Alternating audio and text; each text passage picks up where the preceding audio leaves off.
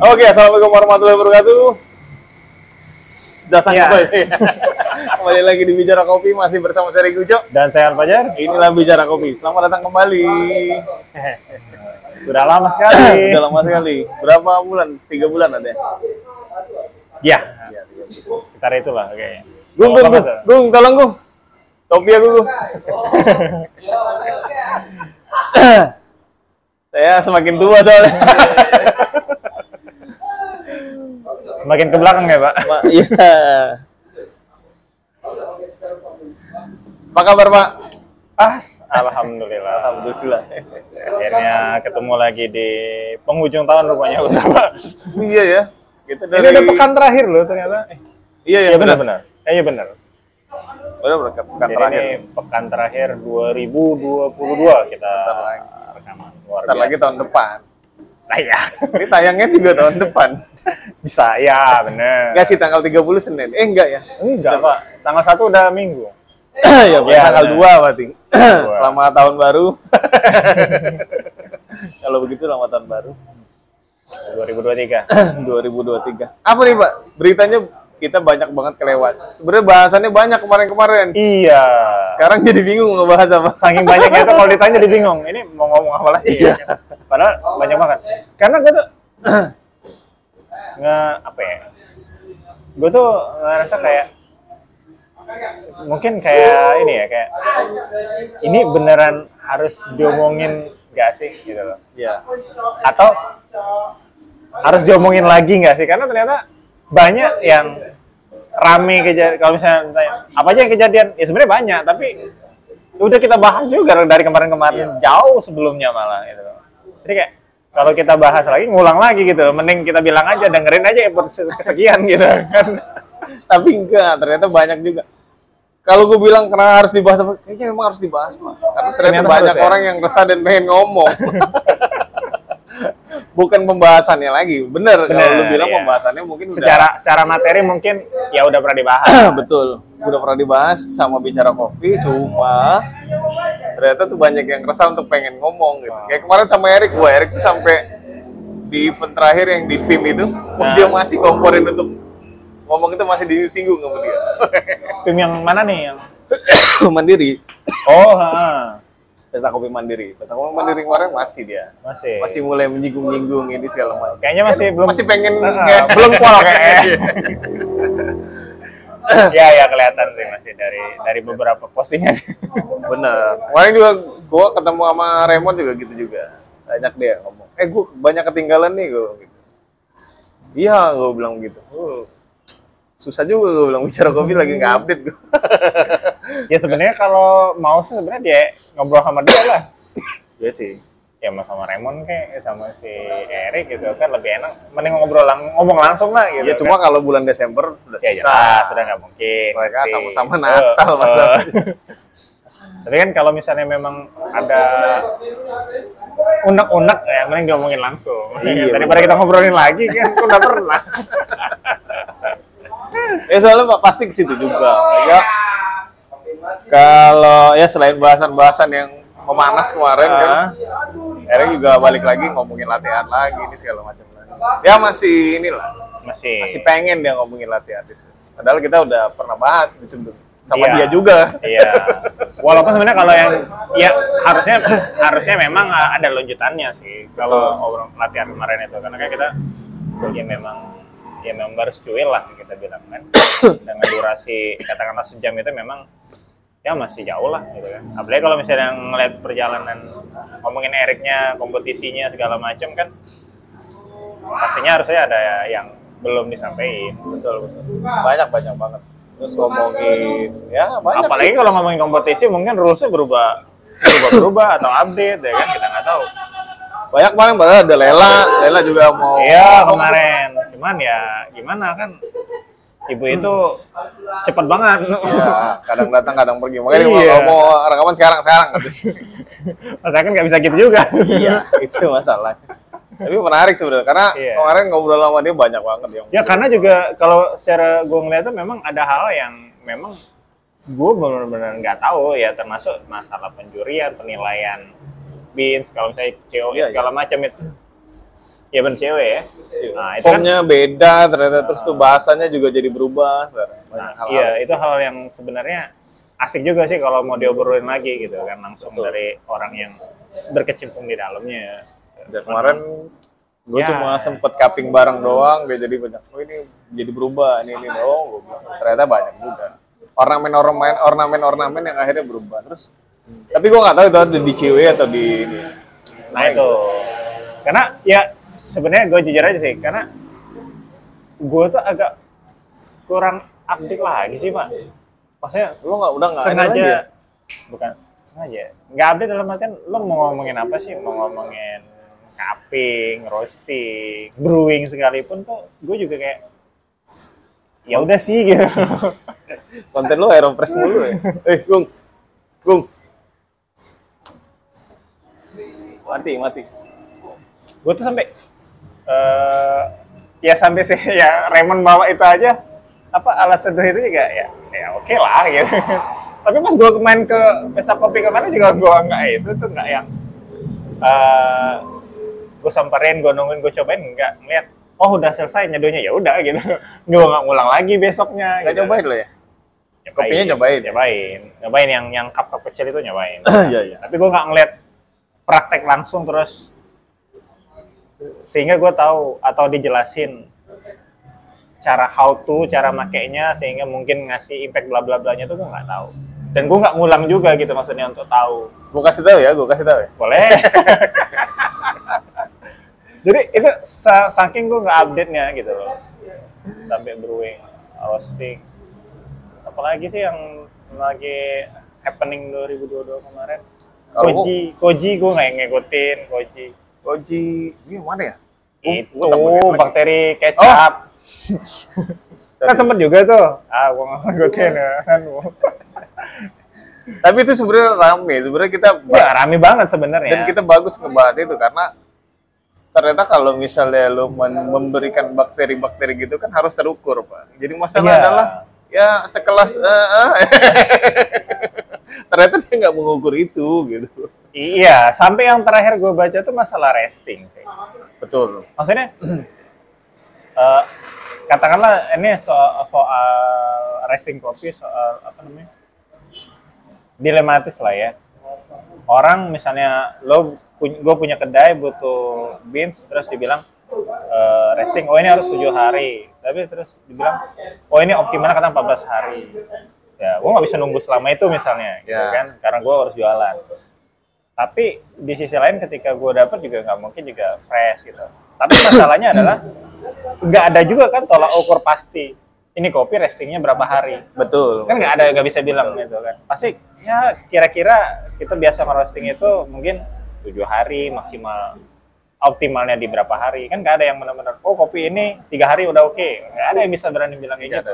padahal itu baru ngomongin resting belum lagi kalau ngomongin masukin bakteri Benar. di proses ya itu ya Resting tuh bisa bisa aja karena gini. Kalau gue gini, gue tuh pasti nahan pak.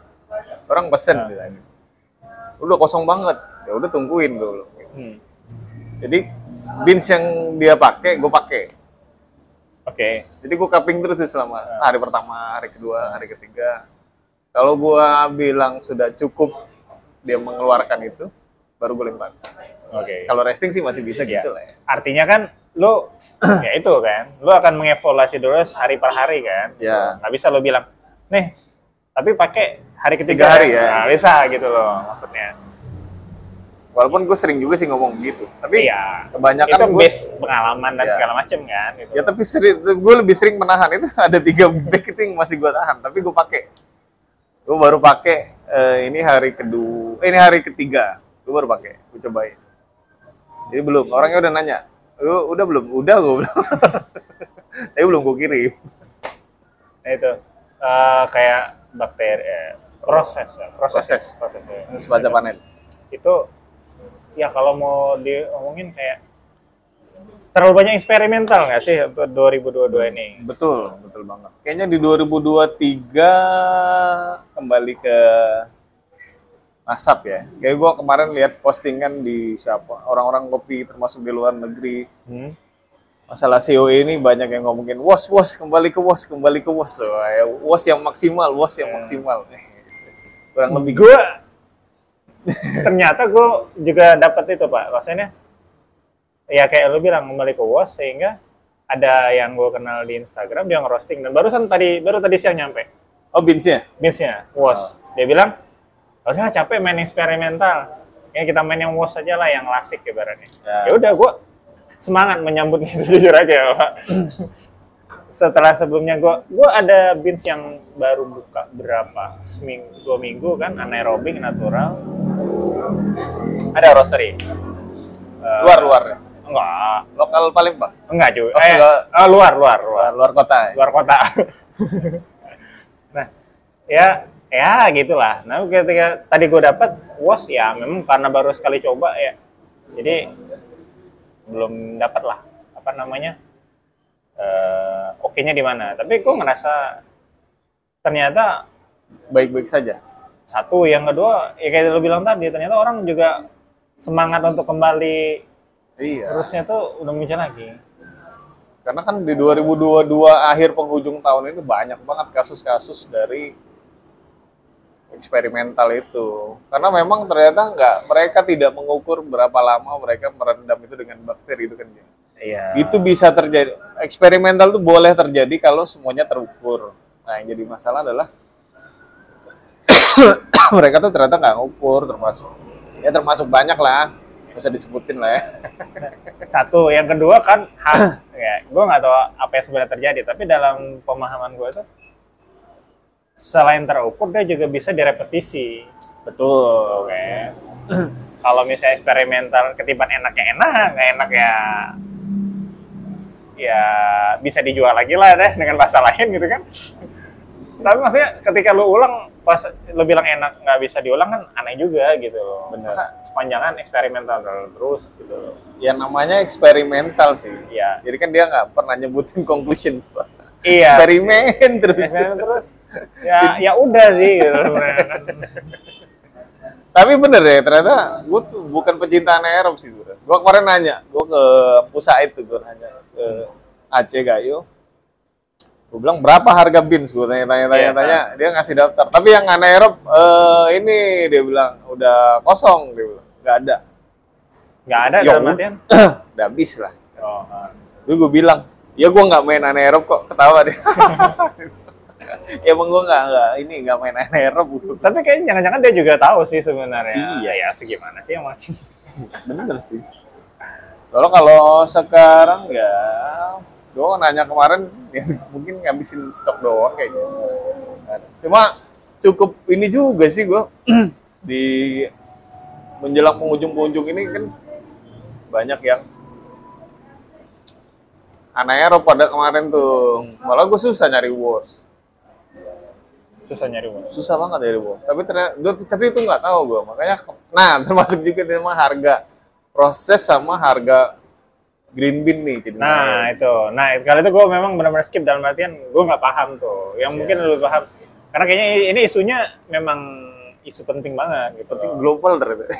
Iklim pak. Ini masalah iklim isu global jadi gue itu tadi gue tuh gue tuh cuma curiganya satu. Gue sebenarnya paham banget enggak ya. Cuma gue curiganya satu. Semua itu naik berbarengan pak iya. Ya itu jadi masalah. Kok bisa kompak dari ujung Sumatera sampai ke ujung ya ujung Bali lah katakanlah gitu. Ya itu kalau ngomongin dalam negeri kan luar negeri. luar negeri? Isu juga. Enggak juga. Ya. nggak kalau bins luar ada isu yang sama nggak sih Nggak ada. Brazil yang katanya kemarin ini Iya, yang katanya masalah iklim-iklim juga normal aja. normal aja. Berarti ini isu nasional aja ya? Nasional aja. Ini Isu jadi Nusantara kayak, aja ya?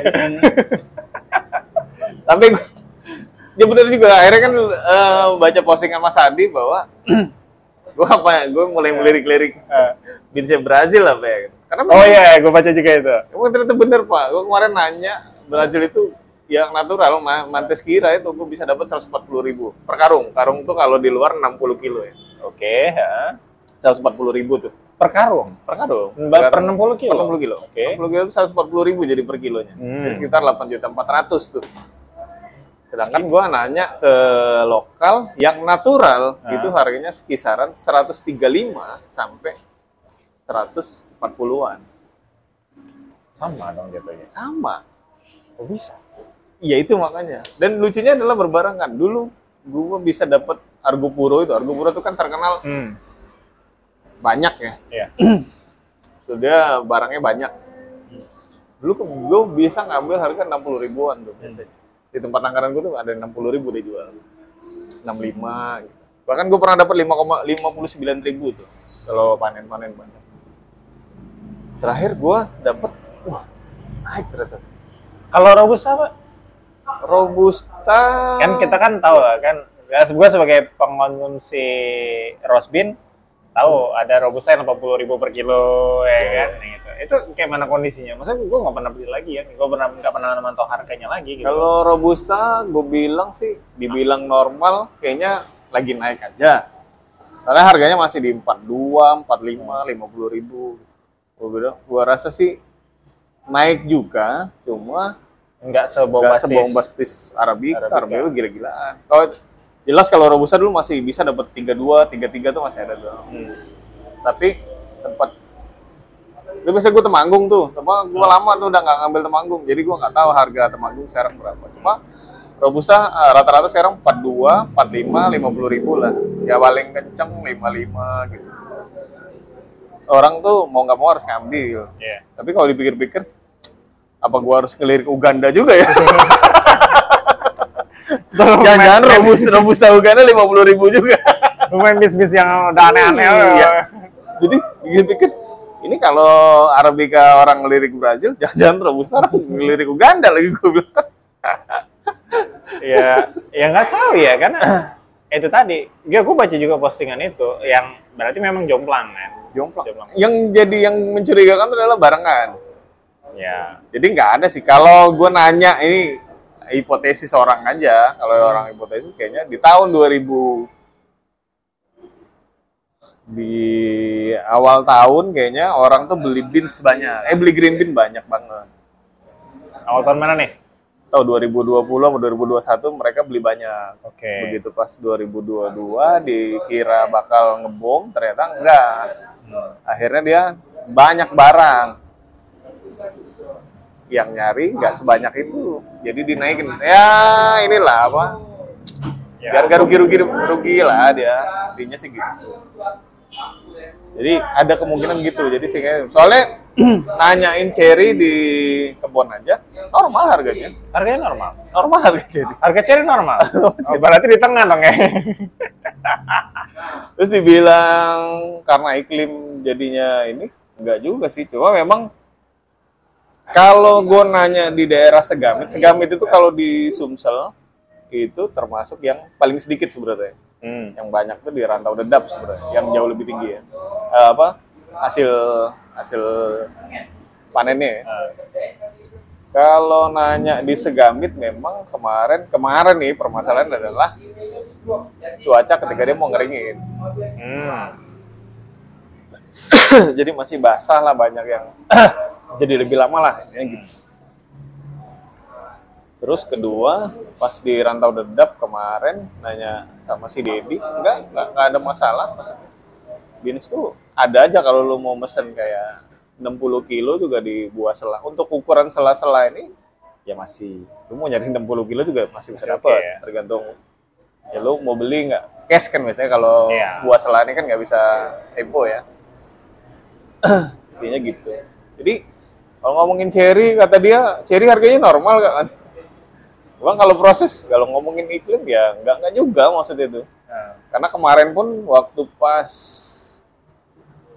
robusta lagi susah juga karena cuaca orang beralih ke honey proses intinya tuh ngakalin pakai honey proses lah. Oh. Jadi ya beansnya banyak. Gue tuh eh dia bisa produksi kemarin terakhir berapa? Ada 500 kilo lah kalau nggak salah. Gue cuma bisa ngambil sekitar 300an lah. Nah, 300 kilo tuh robusta. Sisa ada 150-an atau 200 gitu. Ya gue nggak ngambil lagi gue jadi kalau dipikir-pikir nah itu tadi jadi masalah tuh di mana gitu kan. Apakah benar berita itu? Coba kita nggak tahu ya. Kan Iya. gua nggak udah lama nggak main ke sono sih. Cuma kalau misalnya ini, gue termasuk yang kaget juga sih kalau harganya jadi gila. Gara-gara postingan Mas Adi itulah Pak, gue yang tadinya nanya sana sini, akhirnya gue juga ikutan dia. browsing browsing Brazil harganya berapa ya? Ternyata gue dapet 140 sampai 160 ribuan. Nah, tergantung lu tawar-tawaran lah. Kemarin gue eh, gue keinget tuh handful pakai mantes kira, kebetulan di Tokped ada, gue bilang. Jadi gue tanya berapa? Gue bilang. 100 40 ribu lah deal dealan mau 140 ribu. 140 ribu. Karena eh gue sempet nunjukin ke lu gak ya? Harga-harga deh gak sempet Enggak, ya gue nunjukin ke Rangga sama yang lain-lain lah. Jadi gue dapet full wash tuh sekarang harganya kemarin terakhir gue nanya di rukun saudara itu 100 ribu. Cuma barangnya nggak ada waktu itu. Sekarang terus gue tanya di Jambi lain tempat lain Morris. Morris itu dia jual 125 ribu. Gue nanya Empu Said Gayo itu 115 full wash tuh. Hmm. 115 ribu ongkir 4.500 satu kilo. Jadi harganya 155 ribu.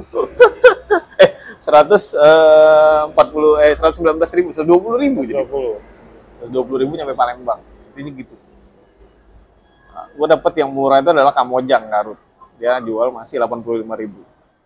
Itu asli dari petani kayaknya sampai dia nanya bang biasa ngirim pakai apa? Lah gue lalu bisa ngirim pakai apa jadi gue timbul curiga wah ini dia udah mentok banget barang banyak nggak ada yang beli nih. Atau mungkin barangnya jelek gue nggak tahu gue ya udahlah gue bilang gue bantu tuh gue beli 15 kiloan lah tapi barang belum nyampe. Harganya 85 ribu terus yang natural dia jual berapa ya? 100 eh, 95 apa 100 ribu gitu lah. Jadi masih gue masih masuk akal jadi udah lah gue kirim aja lah gue bilang 15 kilo 15 kilo gue bilang. Gue takut zong juga kan? Karena dia Iya. dia kayaknya sengaja bikin IG pak. Jadi nggak ada postingan dia kayak udah mentok mau jual ke mana ya. Makanya Aneh gak sih itu, Pak? ya aneh sih. Cuma gue belum kirim duit. Ya maksud gua apa ya? Gak, gak tau gak, uh, nge- nge- mikir nggak? Ini nggak kejual, eh, ya kita anggaplah Ya. ini barang terlalu numpuk sehingga nggak tidak terserap. iya kenapa nggak dijual murah gitu ya? Iya. itu pertama logikanya karena ini kan barang barang bukan barang awen kan ya pasti ada umurnya lah kita ngomong segimana juga dijagain yang kedua ini masih ada hubungan dengan masalah konsumsi 12 kilo itu nggak sih Pak? maksudnya kita tuh emang sudah mentok ya? Iya kayaknya sih. Kayaknya sih gitu. Kalau ngomongin naik tuh ya naik naik tipis lah. Kayaknya nggak nggak yang segimana gimananya gitu loh. Itu kayaknya kayaknya kita kayaknya euforia euforia itu harus dihentikan ya. Maksudnya euforia euforia kalau kita tuh kopi itu harus dihentikan.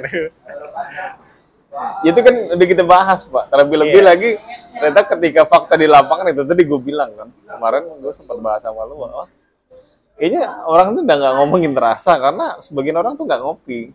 Tapi konten butuh konten. Iya. gue bilang di siapa? Mana? Sekana itu ya kan. kalau ngomong- kita ngomongin di sana udah jelas itu eh, banyak orang yang sebenarnya nggak ngopi tuh pak. Kan ya butuh konten. butuh itu. konten butuh konten. konten di sana itu. Di Euforia sama sih sebenarnya pembahasan kita juga ngapain lu bikin cabang? Kalau duit lu masih dikit nggak? Ngapain lu bikin cabang? Kalau ternyata memang yang ngopi itu nggak sebanyak itu iya. Ternyata ya fenomena itu bukan terjadi ketika lu ada di lokalan lu bikin cabang kan. Tapi ternyata di se Indonesia juga kayaknya orang nggak sebegitunya lagi. Ya kita ngomongin kenangan loh masih di tahun 2021 2020 2021 Iya. 2022 ini kita nggak ngomongin kopi kenangan. Kita ngomongin mixu ya pak? Iya, kita ngomongin mix ya bener. Es krim lagi merajalela banget. Tuh, bisa. Udah dekat rumah gua tuh pak tiap kecamatan sekarang pak. Tiap kelurahan Itu mungkin. Kelurahan ya pak gua tadi kepung udah Gua di, di sini buka di bukit ini. Gua kemarin ke KM 12 udah lembah abang tuh buka lah pak. Iya di depan di depan kedamaian itu kan ada juga kan? Di deretan kedamaian. Jawan Udah kan. Wah, hari ini dekat lagi salah ya Pasti lo gila tuh. Kita ngomongin mixi kayaknya. Mixi lagi naik banget. Franchise mahal lagi. mahal deh ya 800 juta sampai 1 M.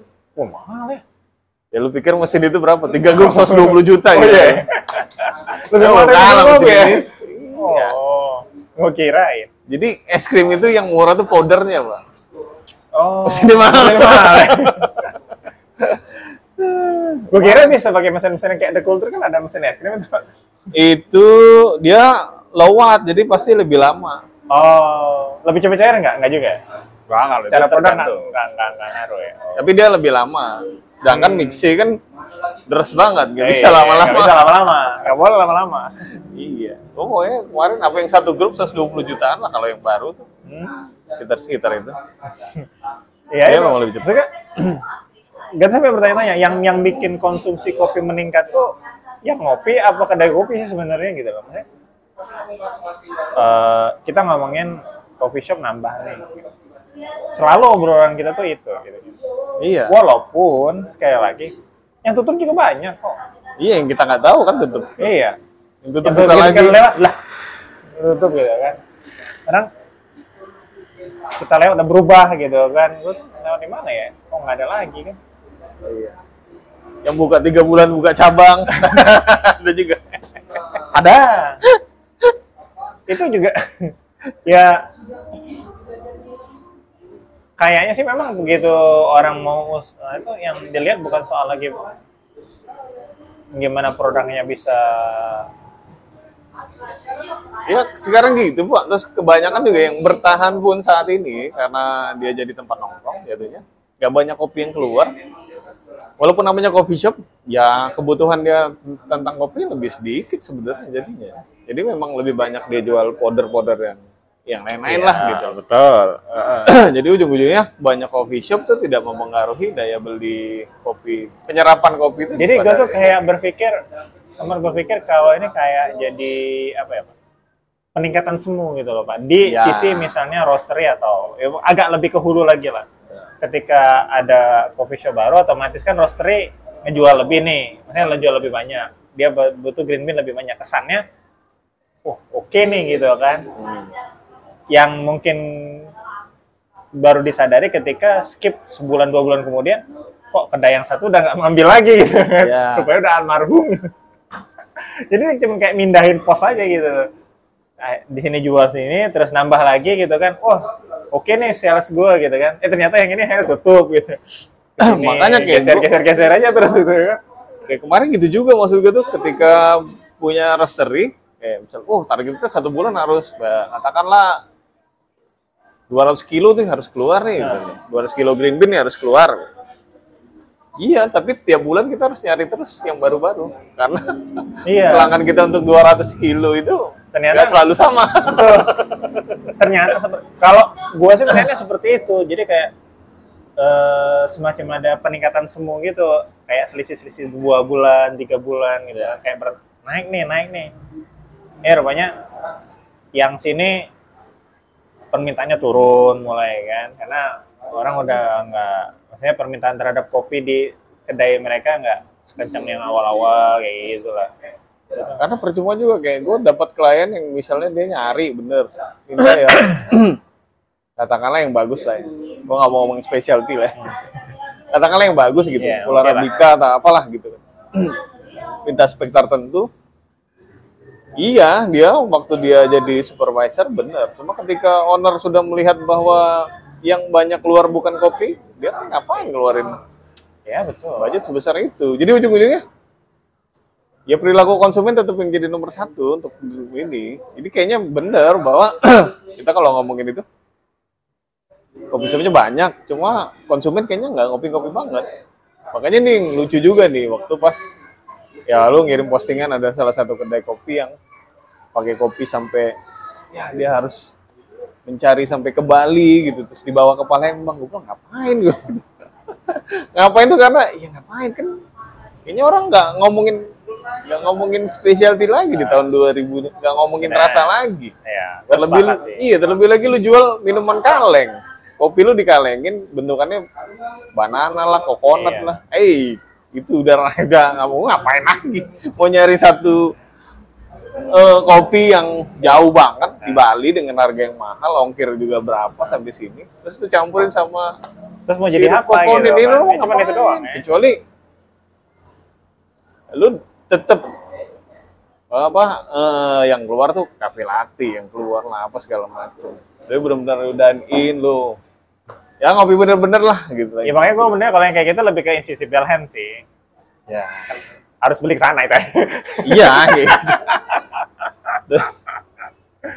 makanya kalau gue bingung juga ya kalau dipikir-pikir karena kalau kalau gue sih secara pribadi sebenarnya masih cukup puas lah ya sama kinerja kopi baik walaupun sebenarnya ya gue nggak bisa bersenang hati seperti tahun 2019 gitu Iya. tapi gue tuh seneng secara ini aja apa kayaknya kepuasan batin sih. Orang ke sini tuh masih yang ngomongin cafe latte gitu tuh. Gue tuh masih sering ngeliatin gelas-gelas cafe latte di atas mesin ini tinggal satu tinggal dua gitu loh Pak. Tiap- oh gue bilang rame nih gue bilang mesin itu. Itu aja sih. Tuh kayak eh, mau sebenarnya sih terserah dalam bentuk apa pun. Kalau kita ngomong balik ngomongin penyerapan kopi sebenarnya terserah Iya. dijual dalam bentuk apa pun kan? Asal base kopinya kepake. Betul. Nah, makanya gue tuh kalau misalnya ngeliat ada kedai kopi baru terus eh, dia katakanlah pakai brand atau roastery kopi tertentu lah dari luar mungkin kan? Ya ya gue selalu bilang sama ya ya udah oke tapi lihat nih kalau ini udah habis gantinya apa? Gitu. Paling balik ke lokal lokalan lagi. Ya nggak masalah cuma maksudnya ya artinya kan kita tahu mainnya entah dia sadar secara posting atau dia secara bahwa secara demand ya nggak gitu-gitu juga gitu. Bener. Bener sih. Ya kita lihat kopi kenangan aja pak. Sekarang dia jual ke Indomaret itu kalau lu perhatiin ingredientnya kopinya cuma satu persen gitu. Ya. Nggak bisa mungkin juga. Ini satu persen botolnya mau berapa banyak juga ya? Tetap aja satu persen kali banyak tuh nggak nggak ngaruh ya lu harus banyak banget ngejualin kopi kenangan itu yang dalam bentuk botol di Indomaret gitu. Banyak hal yang sebenarnya menurut gua tuh nggak ini sih. Akhirnya juga emang susah sih pak ngomongin idealis tuh memang butuh waktu dan waktu. Waktunya tuh waktunya double masalahnya. waktunya harus pas memang. Harus pas. Kayak gue kan waktunya udah nggak pas lagi gitu. gue tuh berapa kali ada beberapa akun-akun yang dengan secara sengaja memang nawarin kopi-kopi impor gitu loh oh. tapi gue ngeliat kayak ya tadi kan masalah waktu ya. Yakin lu masalah waktu. Karena nggak karena gini pak kalau misal misalnya kopi impor itu lebih enak katakanlah di 9 gitu. Loh sementara kopi lokalnya Indon roastery Di- kita ya. Indonesia misalnya kita bisa dapat tujuh setengah aja. Ya ngapain pak lu dapat bisa dapat tujuh setengah dengan harga seratus lima puluh ribu dengan sembilan sembilan harga ya. lima ratus ribu gitu loh kalau buat gua itu udah ngabisin waktu Iya, sama kayak lu beli coklat di Palembang harganya 150, tapi di Bandung 93.000 ribu. Ngapain gitu kan? Iya. Kok dulu karena kan ya lo tahu gue udah kayak segimana nya dulu kan Iya, huntingnya tapi setelah itu kayaknya gue Dan, dan satu hal, Pak. Walaupun lu atau rombongan lu minum kopi luar negeri sebanyak apa pun, nggak bikin dia pinter. enggak juga ternyata baliknya seperti itu juga gitu. Masih aja anggap bahwa kopi ini enak. jadi gue ngerasa gue pun jadi merasa kenapa harus jauh-jauh ya masih banyak khasanah rasa yang bisa gue rasain untuk memperkaya gue gitu kan memperkaya diri gue gitu kan. Untuk bisa bilang ya rasa tuh begini begini begini yang ini oke yang ini nggak oke yang ini ya udahlah gitu kan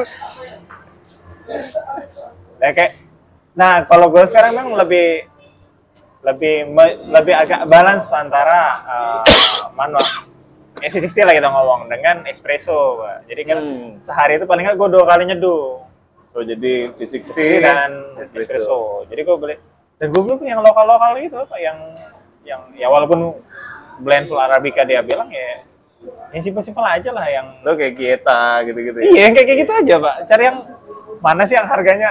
Gue nggak bilang gue nggak cari yang spesial di bla bla enggak gitu. Gue kalau misalnya harganya masuk dengan notes rasa yang dia janjikan menarik gitu kan ya gue coba beli gitu kan. Kalaupun nggak ada kalaupun tidak sesuai ekspektasi ya udahlah ya kan Tapi Iya, nggak kalau- sakit-sakit banget. iya tapi begitu sesuai ekspektasi lah bisa kok enak harga murah gitu loh kan maksudnya Gitu gitu loh. ya bisa kok gitu loh harga katakanlah 500 gram 150 ribu 500 ya Iya, ngomong. iya, iya.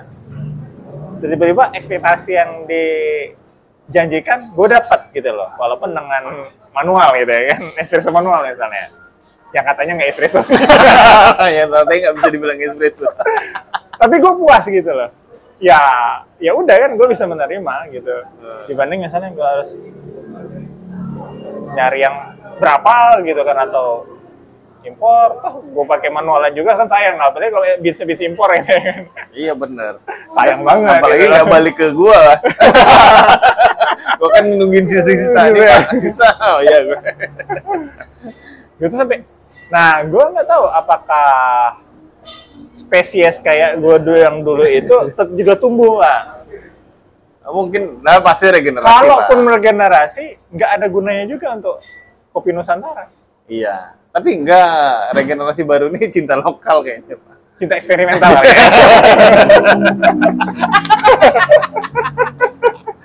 Masuk, masuk. Bisa, bisa, bisa. Karena klasik-klasik kayaknya makanya gue gue paham sih kalau misalnya ada gerakan kembali ke klasik apa proses klasik itu. Iya, iya. Yang menyelamatkan roastery sama di hulu ya.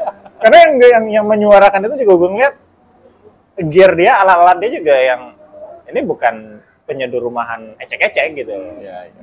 Tapi dia kayak punya oh kayaknya dia capek juga udah lelah juga kayak dia. Tapi emang susah sih Pak, gue bawa kalau bawa wos tuh, aduh, gue pernah bawa wos tuh ke Bandung ke jualan. Ya, ini kerasa banget ya wosnya. ini. Aduh, gue bilang kayaknya, ya udahlah. Itu ar- dalam artian penolakan Pak, negatif. Gue langsung, ah, ya Allah, kacau ya. Tapi ya, tahu ya. Tapi ya itu sih, harapannya adalah, ya ini tadi meregenerasi atau enggak. Cuma itu tadi, lokal atau eksperimental. Tapi iya loh, kayaknya susah nyari orang yang enggak. Kalau yang baru-baru ngopi, kalau enggak anaerob, enggak natural tuh emang susah. Kayaknya Gitu dia ya? pasti, "Wah, ini enak nih, enak enak, enak. Karena apa ya? Kalau menurut gue percuma, misalnya kita ngomongin rasa ya, percuma kita ngomong ngopi berbagai macam kopi kalau apa sih sensorinya tuh nggak nggak Ya. bertambah Ah, iya. ragamnya gitu loh. Ya rasanya gitu-gitu doang pasti. Bener sih. Lu mau was ya harga rasanya nggak jauh-jauh dari orange, lemon, black Eh, tea itu doang. Terus apa dark coklat Dark gitu. coklat gitu kan. Natural juga nggak jauh-jauh dari buah-buah tropis segala macam itu kan.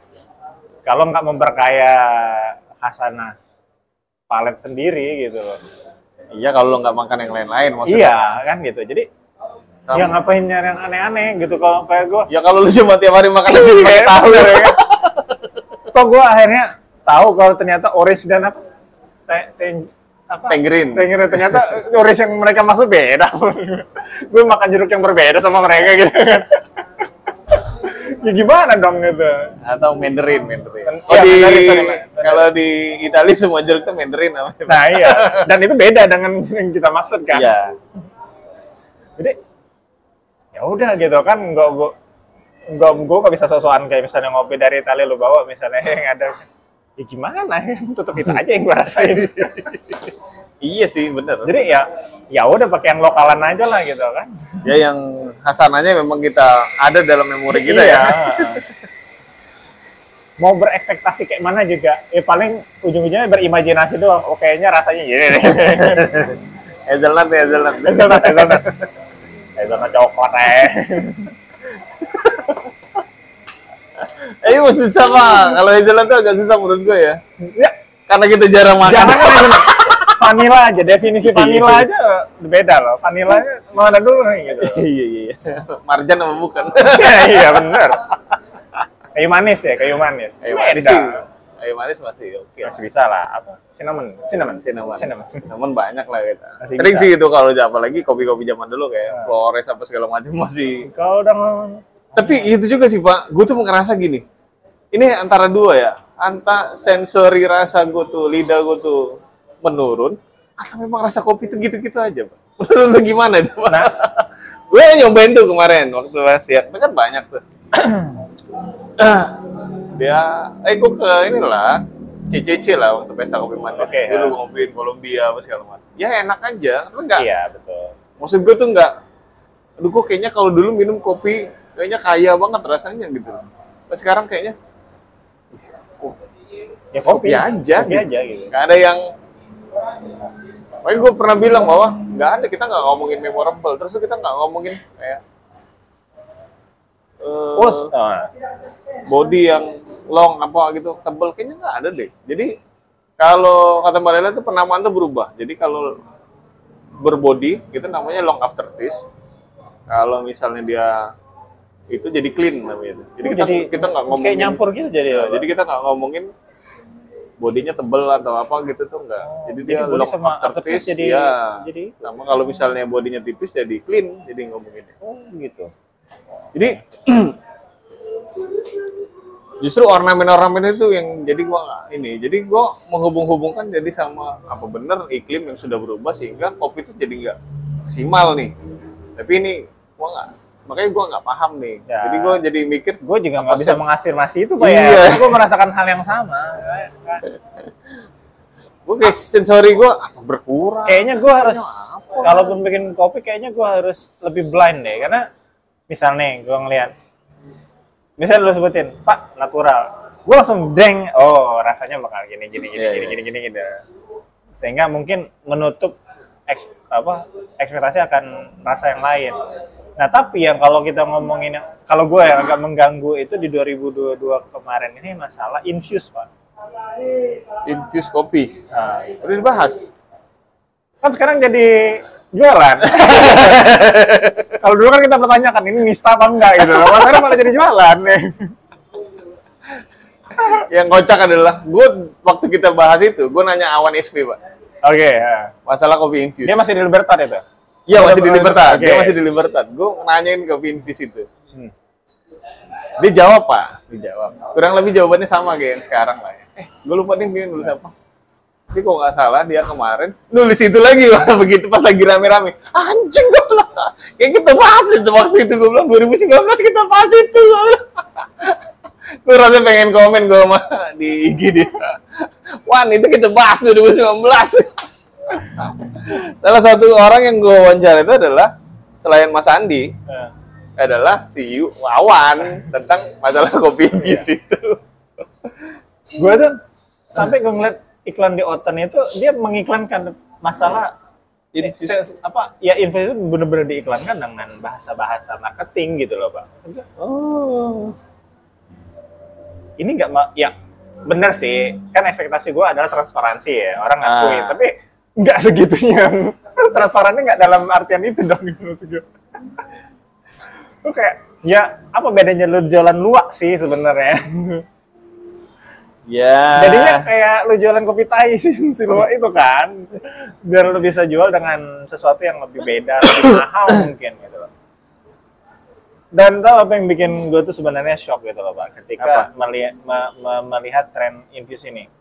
Apaan? Eh, bukan shock sih yang bikin gue tuh akhirnya meriset lagi pemikiran gue soal rasa-rasa di kopi gue tuh kembali ke memori gue akan gisa pertama gue Oke.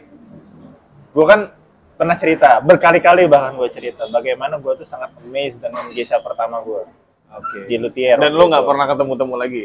dan lo ketemu lagi gimana masalah aromanya tuh segitu kencengnya pak Oh iya. terusnya tuh terus banget mawar itu definisi yang lo ada di pikiran tentang mawar yang ada di pikiran gue tentang mawar Itu ada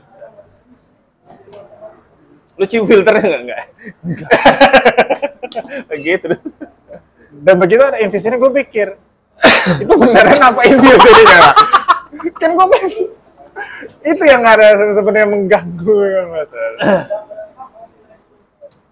apakah memang jadi gue dulu sangat meng, jadi ketika apalagi dulu Gesa masih jarang Ya. sekarang Gesa Dulu kan Geisha tuh masih mikrolot pak. ya Di zaman-zaman baru keluar. sekarang udah komoditi ya pak Komoditi asli semua.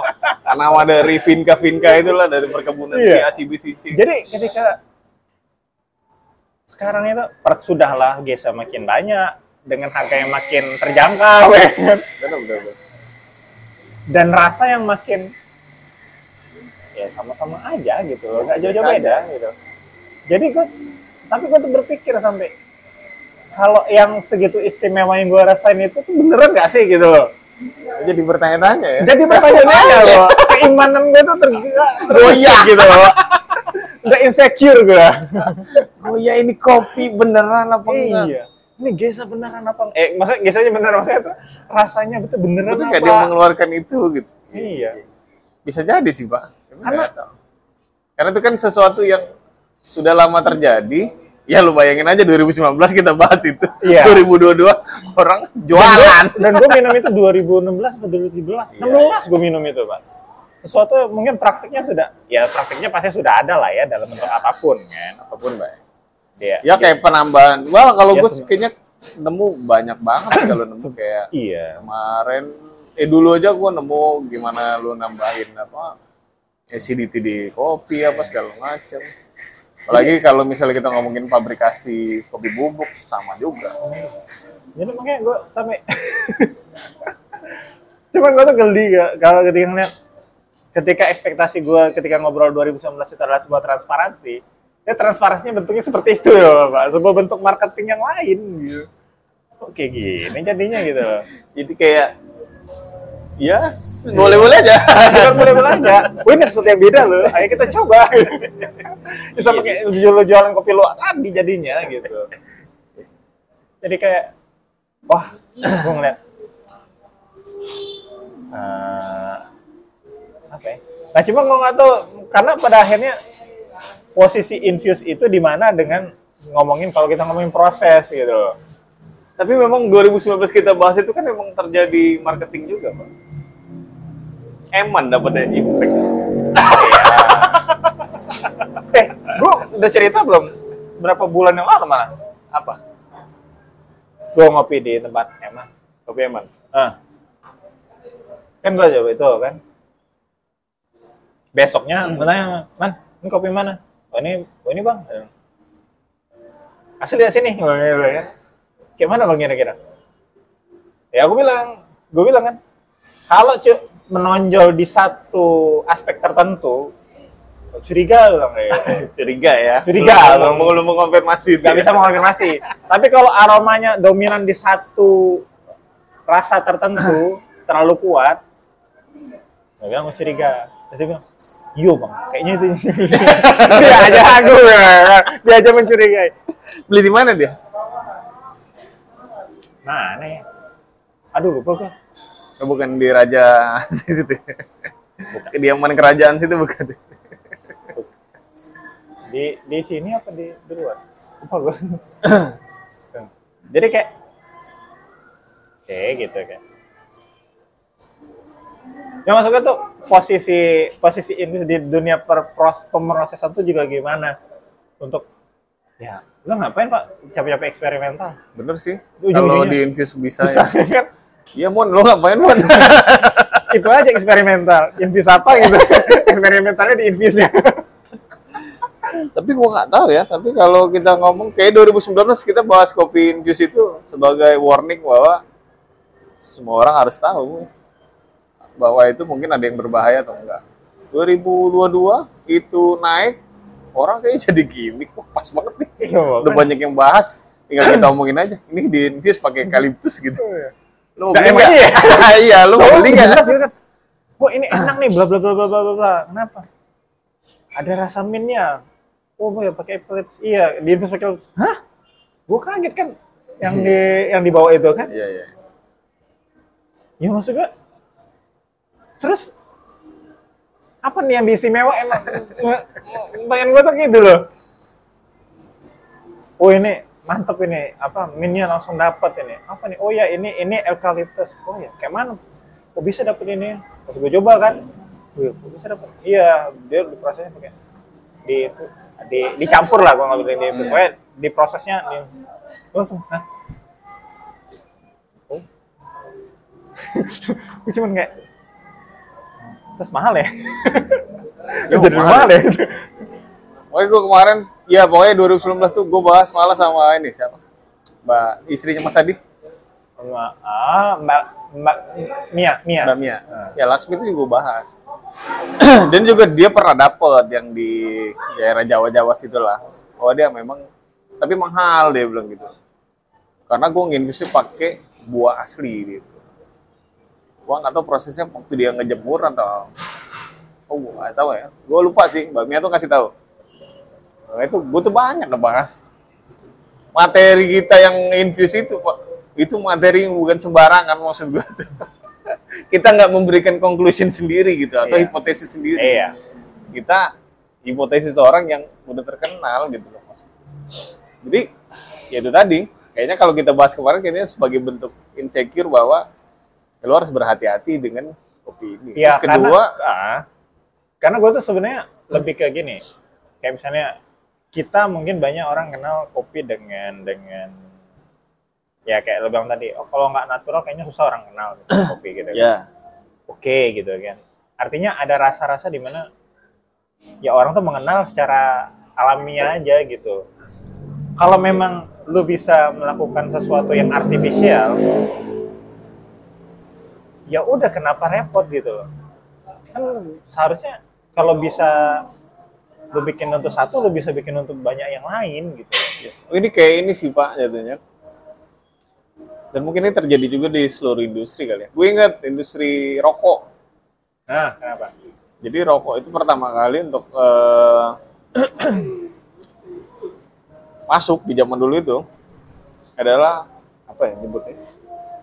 Rokok sirup apa apa gitu. Pokok rokok rokok rokok rasa buah hari ini itu tuh pernah terjadi waktu dia di awal-awal sebagai marketing untuk eh, menarik anak-anak SMA, anak-anak kecil untuk ngerokok. Oke.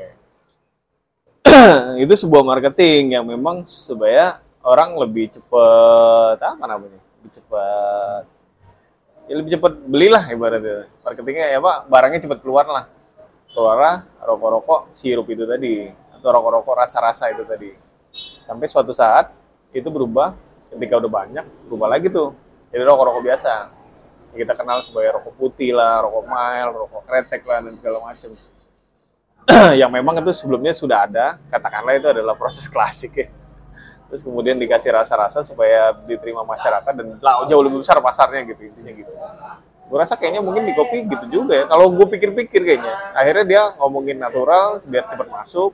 Terus akhirnya dikasih lah kopi-kopi sirup itu supaya orang lebih bisa nerima banyak. Mungkin lebih.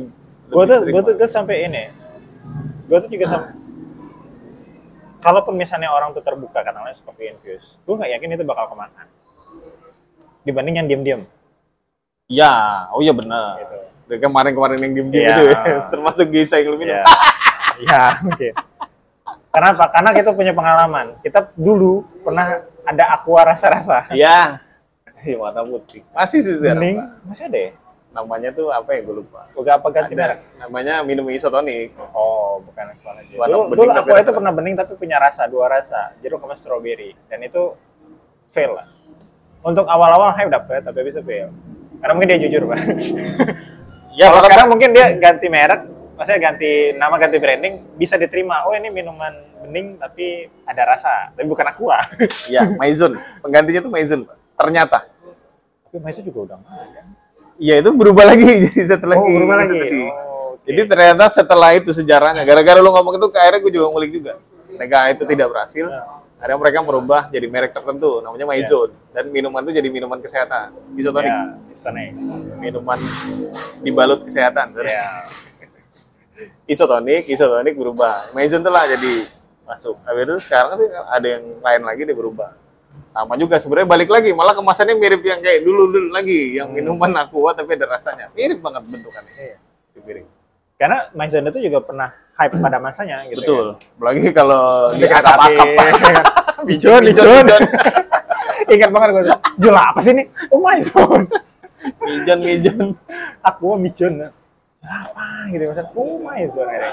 Tapi lo bisa diterima ketimbang aku. Mending ada rasa. Iya. Karena itu kayak satu produk yang berbeda aja. Beda-beda aja gitu loh. Kita nggak bisa. Ya mungkin kayak emang benar sekarang itu ya eksperimental ya kita ngomong. Emang benar eksperimental itu eksperimental. Bukan klasik tapi dikasih judul eksperimental gitu. gue sebenarnya Jangan. Oke, ini itu rahasia apaan dunia Aerox pak itu, ya? itu rahasia dunia pak jangan pak apaan Aerox Pas gue sama aja nih kan. Gue mungkin tidak bisa mendeskripsikan rasa perasa, tapi gue sama aja dengan yang sebelah ini. Sama dengan pasif itu gak uh, pada akhirnya kok yang namanya komoditas dalam artian menjual secara masif itu lebih lebih dituju lah pak ketimbang lo mau ngasih gimmick-gimmick apa pun lah gitu kan kalau kayak ya itu tadi kan mungkin orang yang setelah terang-terangan menggimmickkan infus oke orang coba tapi habis itu oh, enggak lah nggak asik. Tapi kalau misalnya lo infuse tapi lo nggak bilang infuse lo bilang klasik atau apalah orang masih bisa terima. Bahkan menganggap itu sesuatu yang istimewa mungkin. Ya, ajaib gitu ya. iya kan. Wow ini beda banget. Oh ini gimana lah gitu. Ya, sama. Gitu. karena ya itu tadi eksperimental itu butuh keterukuran dan repetisi kalau menurut gue ya gitu kan. Jadi ketika sesuatu itu sangat banjir ya gue juga bertanya-tanya ini beneran nggak nih? Gitu loh kan. Gitu loh. ya itu sih sebenarnya kalau dari gue kan ngeliat. Bahkan jangankan yang infuse yang yang eksperimental aja gue sampai mempertanyakan masih mempertanyakan. Masih mempertanyakan jadi ya, untuk saat ini gitu. Gue sih kayaknya nggak mau mempertanyakan tapi gue menghindari aja. Males gue pak, soalnya sebenarnya pak itu pernah dibahas waktu kita ke Jakarta 2000 17 lah pak Jokowi 2017, Iya. 2017. Waktu kita main ke Hario, kita ketemu ketemu teman Iya. gua. Nah kan itu kok nggak salah pertama kali itu yang ngeluarin tuh Pigeonhole ya kok nggak salah. Pigeonhole kan yang pertama pakai nama rasa-rasa. oh iya tapi gue kira itu kan nama rasa aja Ya akhirnya proses Kayak itu juga. madu apalah gitu Ya. kan Walau ini dulu sebenarnya siapa? Pilo kopi dulu sebenarnya. kopi lo kopi dulu Enggak ya? Enggak, kayaknya dia deh. Oh, Rosbin dia deh. Rosbin dia kalau salah. Nah, itu terus eh, ternyata ya temen dia itu punya kebun yang memang dibikin eksperimental. Dia di temennya itu sebenarnya mikirin namanya mau apa nih segala macam dibantu sama teman-teman yang lain. Sehingga muncul anaerob terus bahkan sebelum CM itu keluar kita tuh sebenarnya udah tahu Pak 2017. Temen gue tuh cerita, ah, kayaknya lu lagi nggak ada deh. ya kan gue di dalam lo kan Oh, ngobrol di iya, luar iya, iya, iya, bukan iya. di dalam Oh, iya. gue udah mabuk kopi tuh pak kan gue pesen Iya. teh itu di 2017 itu udah tahu Pak, CM itu bakal muncul. Cuma Oh. memang karena ceritanya nggak begitu lengkap, jadi gua nggak begitu menanamkan memori itu. Coba pada akhirnya pas itu keluar ini keluar, bilang, ini kayaknya ini bahas Febri kemarin gua bilang kayak ternyata memang bener cuma gua nggak bisa mengkonfirmasi ulang apa pembicaraan itu ya Tapi- mungkin praktik itu sudah sudah lazim cuman namanya segala macam iya bener kata Ya, lu ya, tadi gitu. itu sebenarnya adalah proses mungkin lasik satu ya. sestik duluan yang ngasih raju dulu itu ya berubah aja jadi nukleus. Tapi gua tahu gue kalau di IG kayaknya yang pertama kali itu bikin yang espresso itu ya. Espresso mana espresso lab Gua nggak- nggak bukan maksudnya gue dia bereksperimen pakai Oh, bola itu di espresso. Oh. bukan apa manual. Ah, iya I- iya Iya. iya kali ya gue juga nyobain itu juga di ini kok di espresso Di espresso ya. gue iseng-iseng Lu di espresso. Jadi Gua gua kemarin itu udah gue ceritain tuh naik pas gua di CCC. Jadi ini gimana sih makainya gue belum. Sih lah merangga kan. Bahwa ya itulah pokoknya ya. Sesuatu yang udah pernah gue baca lah. Situ.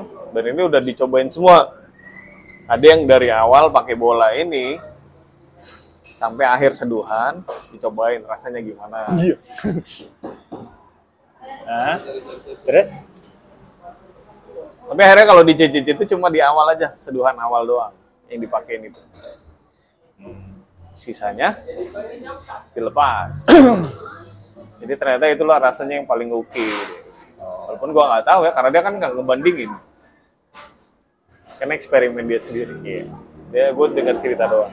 Tapi mungkin itu tujuannya supaya kita beli. antara beli kopi sama beli alatnya Iya. Nah, ribet tuh dia pasti ngomongnya ya, ini beli alatnya aja kalau lu mau nyobain yang lu seduh dari awal sampai akhir gitu. gue kan udah beli bola bola itu bola stainless itu biji gitu. biji dua dua itu kan untung gak gue pasang tali tuh biar sampean kayak gini Apa sih namanya itu gue Apa? lupa. apalah itu ya kan? Gue tawarin, bang, lu mau nggak anak gua? Lu main itu nggak?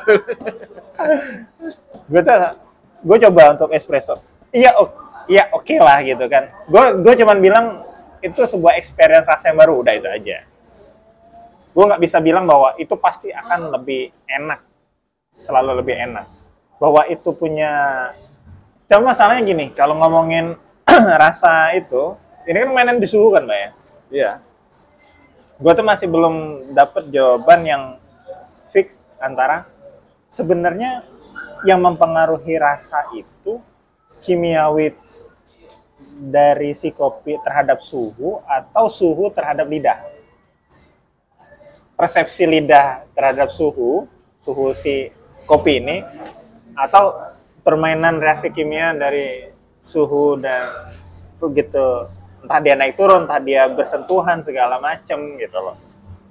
bisa, bisa dua-duanya sih pak. Tapi itu suhu atau enggak itu proses yang terjadi ketika Kayak misalnya kita memaksimalkan kayak sih. misalnya kita cupping kan, oh tunggu su- tunggu Tunggu suhunya dingin, turun ya, gitu kan. rasa. Ketika suhu turun, emang rasanya berubah atau kita lidah kita baru bisa nangkep. Ya, itu gue lupa. Itu pernah dibahas pak. Ya Lupa. itu Gua itu pernah. itu itu kayaknya sih pernah dibahas tapi gue kayaknya enggak. Ah, harus harus yang Ya. pasti banget gitu gue baca ya tuh. Gue lupa. Itu pernah dibahas. Bener. Gue pernah baca itu. Itu pernah dibahas. Kenapa Karena kan, harus? kan kayak, kayak, kayak sekarang tuh ada yang ngomong, oh begitu suhu ini maka dia akan ada reaksi lanjutan lah, Iya. kemudian akan senyawa keluar bla bla bla atau ya sebatas ya lu suhu 90 dengan suhu 70 lidah lu akan beda nangkepnya kira-kira seperti itu Iya. itu nggak sepele memang sebenarnya itu nggak sepele itu ya kayak penting dan itu juga kayaknya pengalaman juga sih pak. nah, Pengalaman rasa juga maksud Benar. itu. Ada orang yang kalau bini gue tuh ya makan mie atau makan pisang goreng atau sesuatu yang panas itu nunggu dingin pak. kalau gua kan ya pak kalau pisang panas panas hisang nggak bisa lagi. Jadi nanas dia. Sama hisang hoyeng ya enggak maksud gua kayak gua minum kopi tuh ketika suhunya masih dalam keadaan panas ya. Oke. Kalau bini gua tuh bener-bener yang menurut gua dingin sih jatuhnya. Jatuhnya? Jatuhnya dingin. Cuma dia kalau kopi panas kalau dari sononya datangnya dingin dia komplain. Ya bener tuh bener. Ayo, lah kamu lu mau nunggu ujungnya ditungguin juga kan ditungguin dingin. Tapi Eh, itu lebih ke sensasi kayaknya. Ya kayak makan mie misalnya gitu. Sama Ya. juga pak. Kalau mie rebus eh gue tapi bisa sih ya. Tapi kan beda memang pak. Rasa waktu dia mie rebus dingin sama mie rebus waktu masih panas. Betul. Walaupun Tapi kan ketika lo mau makan lo tip tip dulu ya kan tapi ya mungkin orang mengaruh itu juga. Cuma nggak tahu ya kalau misalnya ini ini yang yang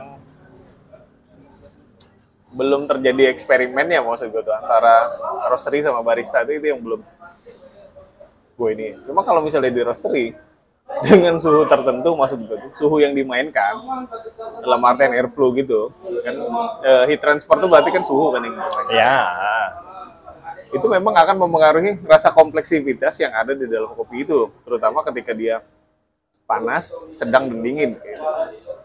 Ah, Kalau misalnya dengan- ngomongin kayak itu seduh, gitu juga sih. Itu belum belum tahu gue. Cuma gue pernah baca bahwa itu memang dibahas yang masalah. kalau misalnya diseduh dengan suhu air yang berbeda gue masih paham Mm-mm.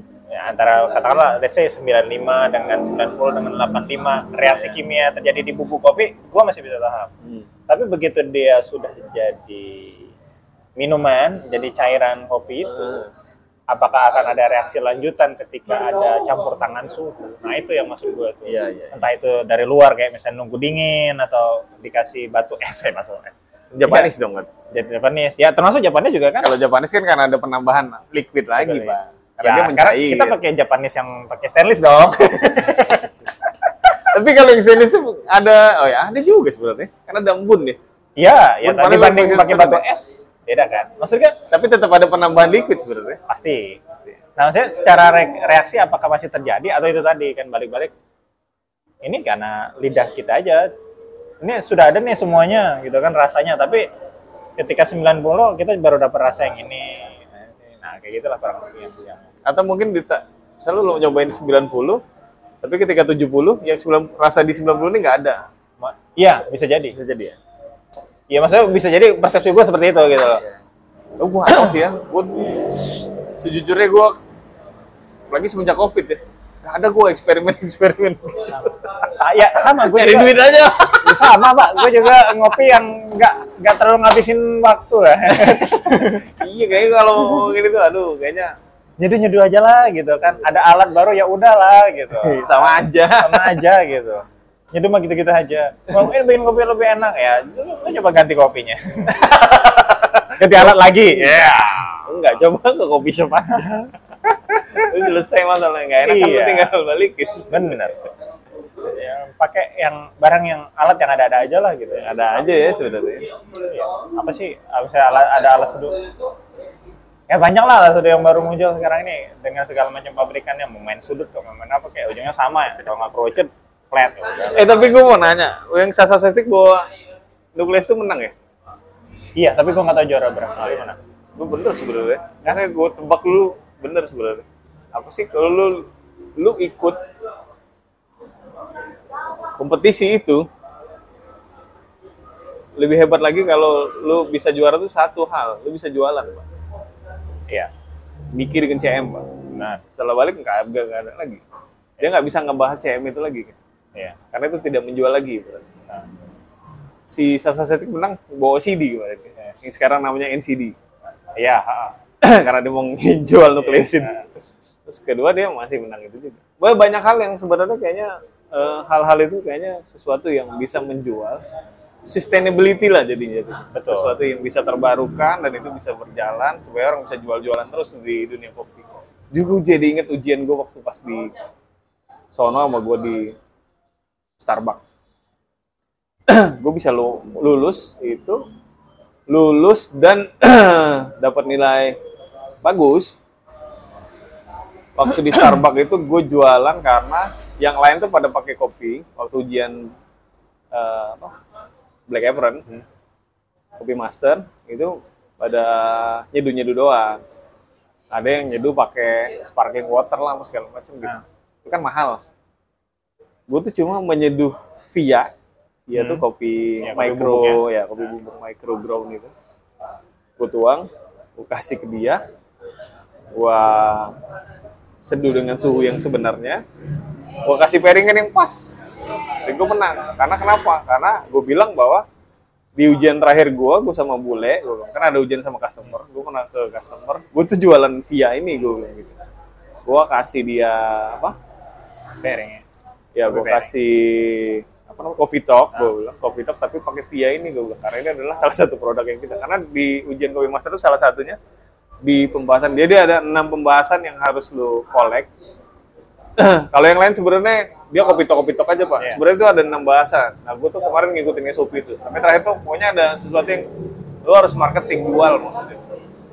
Gue tuh eh, ada di satu momen gue coffee talk sama bule, gue tuh ngeluarin via dan itu gue kasih dan dia langsung beli. Gue menjual jadinya. Dan itu berhasil. Situ tuh harus menjual. Jadi kayaknya memang lo mau ikut kompetisi harus menjual. betul kan di barista itu ada yang kayak tatakan gelas untuk Oh, iya, iya, iya, biar iya. dekat biar dekat ke situ itu juga jadi barang jualan loh juga tuh. Iya. kayak mungkin kesannya cuma gitu doang ya semua orang bisa pakai tapi nggak tapi nggak semua orang menjadikan itu bagian dari kompetisi dan jadi jualan Betul kayaknya sih ke situ. Selain tentang komunikasi kebudayaan, satu hal adalah kalau lu nggak bawa sesuatu dari sini untuk dalam kompetisi, nggak bisa jualan dalam materi materi lu itu, gua rasa lu nggak bisa menang. ya Raymond tuh bisa menang karena dia jual semendo pada saat itu. oh ya Ketika yang Oh, iya. ini kan dia nggak dapat Nggak, nggak dapat angka kalau dia Papua kayaknya gua nggak tahu ya. tapi Gua dia nggak baca pembahasan nggak tahu signaturnya gimana Iya. oke nggak secara nilai Kalau dia nggak membawa sesuatu, jadi gue pikir wajar kalau dia nggak menang. kayaknya sih ini gue kan nggak tahu apa namanya skor sheet segala macam. Tapi yang Iya. gue yang secara kasat mata gue sih kayak lo bilang menjual secara sustain. Lo oke menjual di kompetisi menarik. Ya, menjual lah tapi apakah benar-benar bisa jualan? Ya itu. nah itu sebenarnya ya apa sih pak? Lamar Zoko aja dari apa sih jualan yang pertama? Mesin itu si yang pertama menang itu si sudah sasak yang akhirnya hype grinder ya Eka 43 Oh, si siapa namanya? Oh, jadi lupa gue Mac Pager. Mac Pager. Matt Burger Matt Burger Ya. kurang jualan apa lagi kan maksudnya setelah after competition sekarang Gila banget ada di mana-mana. Waduh. Dan semua orang kayaknya Sudah. harus punya makonik. Ya. wajib jadi kayak barang wajib ya dia juara sampai saat ini menurut gue dia masih juara Udah bener-bener. itu merubah wajah coffee shop loh Iya. Untuk gede. Ya, apa? ya, ya, ya, ya. ya. Bener, bener, bener. Iya, gue tuh kayak merhatiin kayaknya. Ini semua yang menang sih jualan semua. deh. Kalau lu nggak bisa bawa apa-apa, cuma materi-materi kosong maksud gue tuh tentang apa yang bisa doang. lu jual after com menurut gue ya gitu Betul dalam ya. dalam kasat mata gue tuh Jadi gue nggak ngeliat skornya deh gue ngomong skornya Ya, itu itu nomor. ya. Gua rasa seprofesional yang bisa masuk ke dunia, semua orang tuh bisa nyeduh semua, Pak. oh pasti. Dan semua, gua rasa semua tuh enak semua. Pasti, Tapi kalau lu nggak bisa jualan, iya. Karena ya nilai- dan menurut gue masuk akal karena kompetisi itu ada supaya industrinya tetap jalan gitu loh. Ngapain lu bikin kompetisi kalau nggak industrinya nggak jalan gitu loh? Itu ya. Jadi, ah, lu mau nyeduh seenak bullshit lu. Kalau lu nggak bisa jual, tapi memang itu yang menurut gua tuh memang harus terjadi. ya harus pak Gue di sekolah waktu di sana sama gue waktu pas di Tarbang itu bener-bener ini nilai yang memang bisa lo bikin itu. Ya gue ngerasa ya mungkin ya banyak black apron yang nggak menjual ya nggak Ya. menganin itu. Cuma gue ngerasa bahwa ya gue aja memilih materi itu karena gue pikir "Ya ini apalagi tujuan lo untuk jadiin gue Ini- black apron kalau bukan lo harus jualan. Iya. Tuh bener memang ternyata kalau misalnya di store kalau ada orang beli bin sama segala macam, gue tuh kayak harus ngejelasin, bang ini apaan bang? Gue aja deh. Dan gue tuh harus bisa itu ngejual kayak, ini bins pak, ini binsnya ini, ini, ini, ini, ini. beli tumbler dan segala macam. Gue kayak harus ngejual sesuatu yang yang harus sustain lah gitu loh. Kalau lu nggak bisa, percuma lu jadi gue enak juga percuma. Mau ngerosting enak juga percuma. Tapi itu udah dibahas juga ya sama yang bule itu ya. Apa sih ngapain sih lu ikut kompetisi? Ada Iya. kita itu. Nah, ya apa pun lah bentuk jualannya itu entah itu dengan produk dengan eh produk knowledge atau dengan hospitality bla bla bla dengan gadget-gadget baru, gear baru ya intinya ya itu tadi kalau sedikit nyinggung 2022 ada kompetisi ya menurut gue kompetisi itu harus ada untuk upgrade industrinya gitu loh. Mixologi. Ya. Ya lu harus seberapa banyak lu pakai sirup di situ. Biar bisa tumbuh bareng. Biar tidak ada kesenjangan lagi. BIC Barista Innovation Challenge. Jualan sirup drip. Bayar berapa? Gue tanya kemarin tadi. Tapi pertanyaannya setelah ada kompetisi itu berapa banyak drip yang ada di kedai kopi? betul. Silakan. Kan dilihat ya. Tapi drip keren sih. Drip tuh nggak nyari nggak nyari distributor, Pak. Nyarinya? Reseller. Siapa kak reseller itu? Kalau di Palembang kita sudah ketemu siapa? yang baru buka, buka lagi kan ada di. Ya. Dia melahirkan melahirkan eh, para apa kedubes kedubes ya, ya, duta-duta dia untuk Tapi kalau yang berjualan. kemarin dicari-cari orang nggak perlu kita bahas Pak ya. Udah cukup lah ya. yang mana ya? Oke. Oke. udah. Oke, udah lama banget ini. Ini gini nih kalau lama nggak rekaman. Ngobrolnya panjang. Coba kalau motong-motongnya. mah, Iya. Habis mati memori. Ah, Oke lah. Eh, sama mendengarkan lagi ini kayaknya kita juga kangen-kangenan jadinya ya buat kalian yang mau dengar. Itu tadi. Ada satu hal yang gratis. Gratis nggak gratis ya, tinggal klik subscribe dan bunyikan lonceng supaya kalian bisa terus update obrolan kita di Bicara Kopi. Betul. Nah, terutama buat kalian yang ngaku, wah kak kami ini pendengar kopi bicara kopi. Iya, masa sih yakin? Tiap ketemu bilangnya itu. Iya. ah, gilaan yang itu. Ya, Nah, ya ya, pokoknya denger nih gitu kan. Jangan lupa juga follow IG kita tuh. Eh, update deh. follow IG kita juga, subscribe, bunyikan lonceng dan jangan lupa ya jangan lupa sama kita lah. Karena kita masih ada kok. Ini masih ada. Masih beredar kan di event-event masih ada. Iya, di kedai-kedai masih ada. Ngeluarin kamera gini-gini. Santai lah gitu. Masih ada kok. Oke, ah. oke, oke. Saya Riki Ucok. Saya Fajar. Inilah Bicara Kopi. Arios.